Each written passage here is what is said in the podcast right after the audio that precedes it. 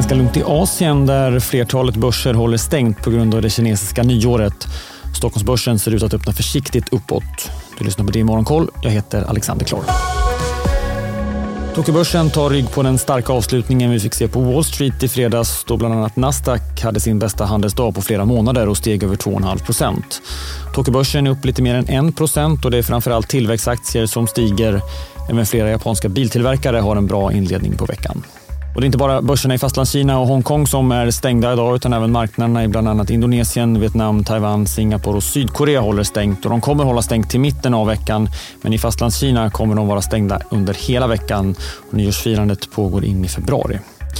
Det kinesiska nyåret är den största reseperioden i Kina och det spås bli ett jättelyft för resandet. Enligt landets transportmyndighet beräknas drygt 2 miljarder resor göras i Kina under perioden.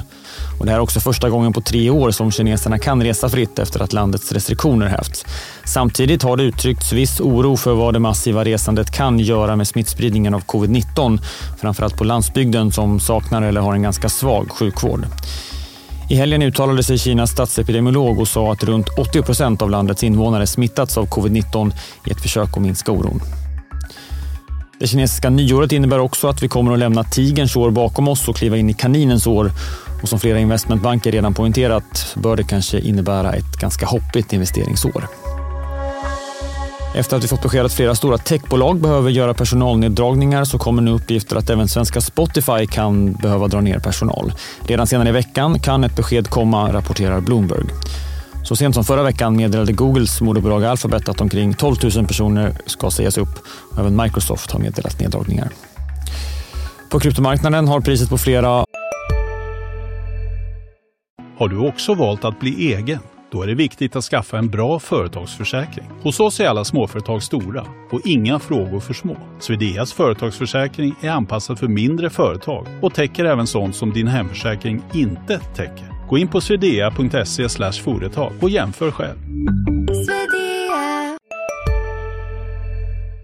Av de volatila valutorna fortsatt att röra sig uppåt över helgen. En bitcoin kostar nu knappt 23 000 dollar.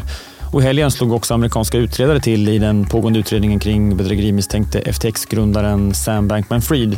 Man beslagtog tillgångar på nära 700 miljoner dollar, till större delen aktier i nätmäklaren Robinhood.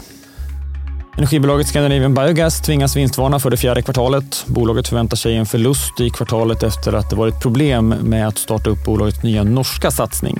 Och förhoppningen är att problemen ska vara lösta under det första kvartalet. Det är en ganska makrotung vecka som väntar oss. För svensk del såklart fokus på bolagsrapporterna, framförallt i slutet på veckan då bland annat Volvo, H&M, SEB och Atlas Copco kommer med rapporter. Men vi får också inflationsförväntningar från svenskt håll imorgon och senare i veckan Konjunkturinstitutets barometer samt siffror över svensk detaljhandel och arbetslöshet. Världens blickar kommer bland annat fokusera på inköpschefsindex från flera håll. Vikande signaler har vi fått och imorgon får vi uppdaterade siffror från euroområdet och från USA. Den senaste mätningen hamnade under det viktiga 50-strecket som signalerar tillväxt. Dessutom gott om amerikanska rapporter att hålla koll på, inte minst techjätten Microsoft efter stängning imorgon tisdag och elbilstillverkaren Tesla som den senaste tiden mött en svagare efterfrågan med lägre priser släpper sin rapport efter börsstängningen på onsdag. I DTV försöker vi punktmarkera de svenska bolagen. De flesta kommer vi prata med på rapportdagen och det blir extra tidiga rapportsändningar både på torsdag och på fredag. Idag endast en rapport. Elanders släpper siffror under förmiddagen och imorgon så kommer Aleima som är den avknoppade delen av Sandvik. Det var allt för dagens Morgonkoll. Följ oss för alla de senaste nyheterna och missa inte heller Börsmorgon som vanligt med start kvart i nio. Dessutom kommer programmet som podd klockan 11. Jag heter Alexander Klar.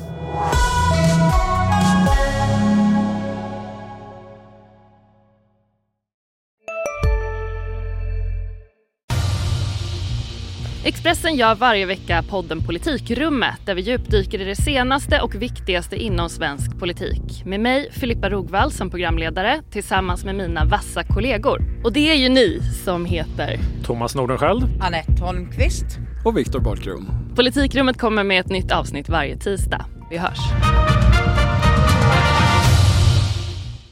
Hej, Synoptik här. Hos oss får du hjälp med att ta hand om din ögonhälsa.